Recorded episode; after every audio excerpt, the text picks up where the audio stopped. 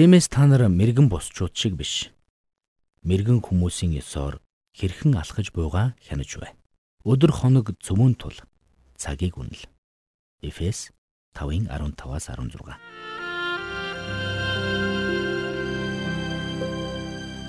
Мэргэний сонсог, мэдлэгийн тэлэг. Ухаалх нь мэрэгэн өдөр төмжийг мөн авах.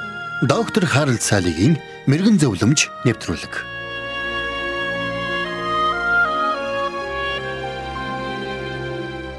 Английн нэрт яруу найрагч Ричард Лигалийн нэгэнтэй цаг хугацаа бол толгод уруудан давхиж яваа хүлэг мөр юм гэсэн байдаг.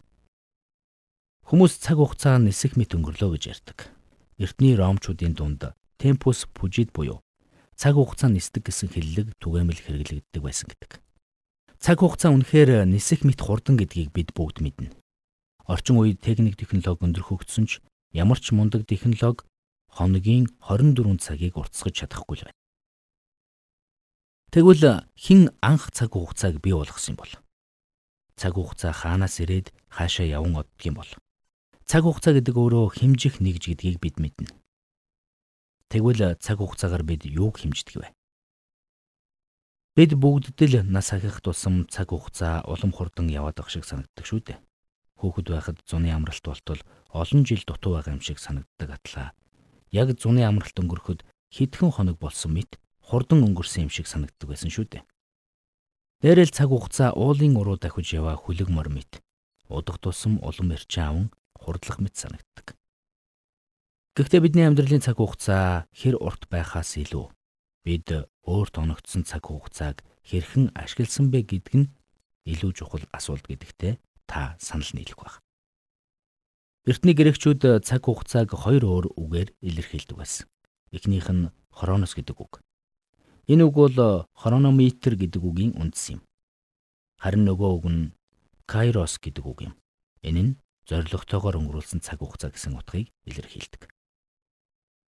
Эндээс үзвэл таны амьдралын цаг хугацаа бол хроноос нэг бол кайрос байж таарна. Тэгвэл таны амьдрал утга учиртай өнгөрч байна уу эсвэл утга учиргүй өнгөрч байна. Нэрт Элгээлтийн эзэн Роберт Маффат нэгэнтээ бидэнд ялалтаа тэмдэглэх үнэн мөнхийн цаг хугацаа бий. Гэхдээ ялалтаа байгуулах ганцхан амьдрал бий гэсэн байдаг. Өнөөдөр хүн нэг бүрт яг адилхан цаг хугацаа өгөгдсөн. Энэ бол хоногийн 24 цаг. Гэхдээ энэ 24 цаг хэр олон удаа бидэнд өгөгдөхийг бид мэдэхгүй. Тийм учраас бид өдөр хоног бүрийг үр бүтээлтэй, зориг чиглэлтэй өнгөрүүлэхийг эрмэлзэх учиртай. Илч Паул Эфес цагталтаа өдөр хоног цөвүүн тул цагийг үнэлэх хэмээн сануулсан байдаг. Өөрөөр хэлбэл бидний амьдрал богинохон учир бид амьдралынхаа хорон мөч бүрийг утга учиртай өнгөрүүлэх ёстой юм. Нэр жүжигчин Джон Кэрол амьдралдаа маш олон зүйлийг оролдож үзсэн хүн. Тэр кинон тоглоо зогсохгүй дэлхийн эргэн тойронд аялж байсан нэг. Тэрээр нэгэн сэтгүүлчид өгсөн ярилцлагада санааг нь хамгийн их зовоодог зүйл бол цаг хугацаа гэдгийг онцлсан байдаг. Тэрээр цаг хугацаа алхдаггүй, харин нисдэг.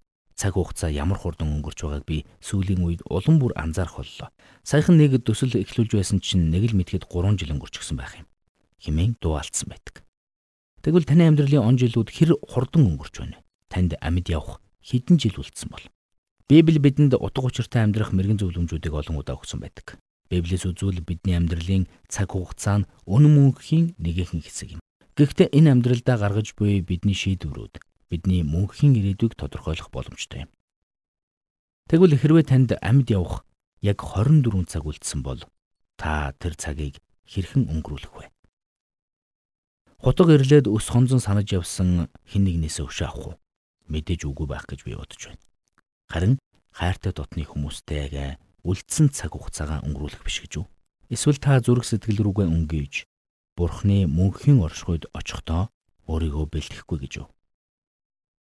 Хэрвээ та энэ хоёр асуултанд тийм гэж хариулсан болоо энэ үйлдэлээ яг одоо өнөөдөр хийж эхлээрэй. Та энэ өдрийг амьдралынхаа сүүлчийн өдөр мэт амьдарч чадвал та бүрэн дүүрэн амьдралаар амьдрах болно. Альваг хойш тавих нь цаг хугацааг биднээс хулгайлаа зогсохгүй. Бидний сүнсийг ч хулгайлах аюултай юм. Тиймээс өнөөдөр бол мөнхийн хувь тавилангаа шийдэх цаг. Танд мөнхийн амийг өгч чадах Есүс Христийг аврагчаа болгон хүлээн авах цаг байна. Жан Карелийн хэлсэнчлэн цаг хугацаа алхдаггүй харин нисдэг гэдгийг та санаарай.